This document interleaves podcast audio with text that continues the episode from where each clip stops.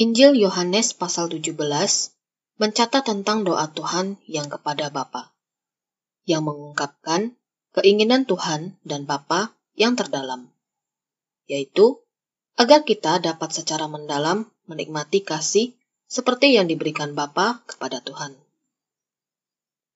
Tepat di awal doanya, Tuhan ada menyebutkan tentang buah dari salib, yaitu hidup yang kekal. Ini merupakan harta kita yang terbesar, pengalaman pribadi kita yang secara langsung dalam mengenal Bapa dan Tuhan. Tuhan datang ke bumi untuk menyatakan nama Bapa, sehingga kita dapat mengalami Bapa dan hidup dalam kasih yang tak terbatas, seperti Bapa mengasihi Tuhan. Dia menyebutkan berkali-kali bahwa Bapalah yang mengutusnya. Dia menghargai bahwa Bapa telah mengutus dia untuk menjadi seorang manusia. Dilahirkan untuk kita dan mati untuk kita. Semua yang terjadi di antara Allah yang Tritunggal ini adalah yang sangat mencengangkan. Bapa menghukum dan meninggalkan anaknya yang terkasih karena dosa-dosa kita, agar jemaat dapat muncul. Hari ini, Tuhan memuji-muji Bapa di tengah-tengah jemaat. Kita harus menyembah Bapa dan harus memperhatikan agar hidup yang dari hati ke hati bersamanya di setiap hari. Saudara dan saudari, topik harta bagi jiwa hari ini adalah tentang hasrat cinta yang dilubuk hati Bapa dan hati Tuhan. Melalui doa Tuhan yang ada dalam Injil Yohanes pasal 17, kita dapat melihat yang di lubuk hati Bapa dan hati Tuhan. Tuhan menyebutkan sebanyak tujuh kali bahwa kita adalah orang-orang yang telah diberikan oleh Bapa kepadanya. Dan sebanyak lima kali agar kita dapat menjadi satu. Kita juga dapat melihat hasrat kasih Tuhan dia menginginkan agar kita yang telah diberikan Bapa kepadanya dapat bersama-samanya di mana pun dia berada. Sangatlah berharga bahwa kita memiliki tempat tinggal yang bersama dengan Tuhan, yaitu rumah Bapa. Selain itu, hidup kita adalah yang terikat dengan kehidupan Bapa. Kita tidak akan pernah kesepian. Kasih Bapa dan kasih Tuhan adalah yang selalu baru di setiap hari. Semoga kamu dapat dengan leluasa menikmatinya. Dalam Injil Yohanes pasal 17, kita dapat melihat akan hasrat yang ada di lubuk hati Bapa dan hati Tuhan, di mana tersembunyi begitu banyak harta karun. Bapa dan hati Tuhan adalah yang begitu indah. Malam sebelum penyalipan Tuhan, dia tidak hanya membasuh kaki para murid. Dia juga mengadakan jamuan kasih bagi kita dan semua orang dalam keluarga Allah. Jamuan kasih ini akan berlangsung seumur hidup. Berkali-kali dia membuka hatinya dan memperkenalkan Bapa. Dia ingin agar kita melihat bahwa kita adalah satu roti. Dia ingin agar kita saling mengasihi sebagaimana Dia mengasihi kita. Dalam doanya, Dia ada menyebutkan sebanyak lima kali bahwa kita akan menjadi satu, dan sebanyak tujuh kali menyebutkan bahwa kita adalah orang-orang yang telah diberikan Bapa kepadanya. Dia berkata bahwa Dia mengasihi kita seperti Bapa mengasihinya, dan bahwa kasih yang diberikan Bapa kepadanya juga ada di dalam kita. Dia memberitahu kita akan rahasia cinta yang ada di lubuk hatinya. Ayat terakhir dari Yohanes pasal 17 mengatakan, Dan aku di dalam mereka. Atau seperti yang tertulis di ayat 26.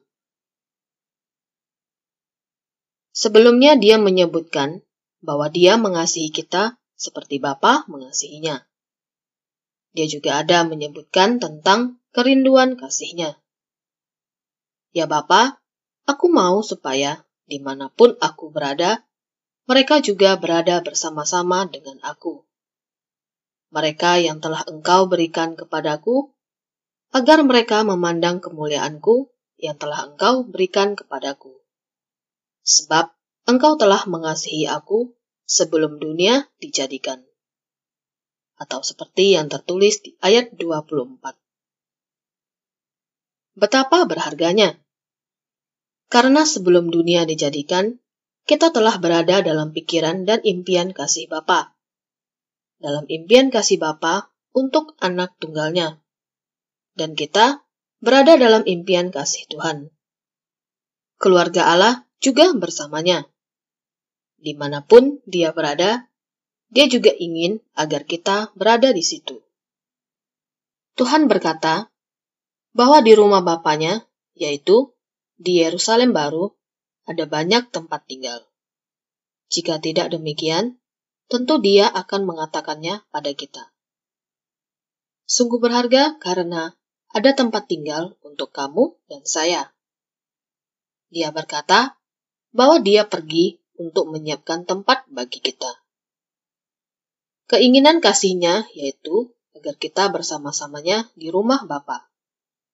Rumah yang paling mulia dan yang indah yang penuh dengan kehangatan, di sanalah kita dapat menikmati kasih sayang Bapa yang terdalam dan kasih Tuhan yang paling indah dan yang terdalam. Sesungguhnya, saya adalah yang diciptakan dengan menakjubkan dan yang luar biasa. Bahkan lebih menakjubkan lagi, karena saya telah dilahirkan kembali. Meskipun saya adalah yang diciptakan, namun saya adalah yang lahir dari Allah. Kehidupan Yakub adalah yang terikat dengan kehidupan anaknya Benyamin. Saya juga ingin kita menyadari dengan lebih dalam lagi bahwa hidup kita adalah yang terikat dengan kehidupan Bapa. Ini adalah penyatuan hidup yang terdalam yang ada di seluruh semesta ini dan yang untuk selamanya. Yang jauh lebih dalam daripada Yakub dan Benyamin yang berada dalam daging. Tuhan juga berkata bahwa di bumi ini dia tidak sendirian, karena Bapa menyertai dia. Seperti yang tertulis dalam Yohanes pasal 8 ayat 16, Di mana pun saya berada, saya tidak akan pernah sendirian. Karena hidup saya adalah yang selamanya terikat dengannya. Roh saya adalah yang menyatu erat dengan roh Bapa. Saya telah mengenal Bapa selama lebih dari 60 tahun. Hari di mana saya diselamatkan adalah yang tak terlupakan. Saya mengalami akan pelukan Tuhan dan akan hadiratnya yang begitu besar. Dalam hidup saya, tidak pernah mengalami kegembiraan yang begitu besar. Dulunya saya sangatlah pemalu dan tidak tertarik dengan musik. Namun pada hari itu, di sepanjang perjalanan pulang, saya terus bernyanyi. Hari itu, Bapak adalah yang lebih bersuka daripada saya. Dia bersorak-sorai. Sejak kekal Bapak telah mempersembahkan begitu banyak dan sangat ingin mendapatkan saya. Impian kasihnya telah menjadi nyata bahwa akhirnya dia mendapatkan saya sebagai anak kandungnya. Kegembiraan Bapa adalah yang tak terlukiskan. Dia memelukku ke lubuk hatinya dan menciumku dengan banyak ciuman. Saya bersyukur karena baru-baru ini saya juga memiliki pengalaman yang mendalam dan yang tak terlupakan dengan Bapa. Dan saya memiliki malam yang istimewa bersama Tuhan. Kasih Bapa dan kasih Tuhan adalah yang selalu baru.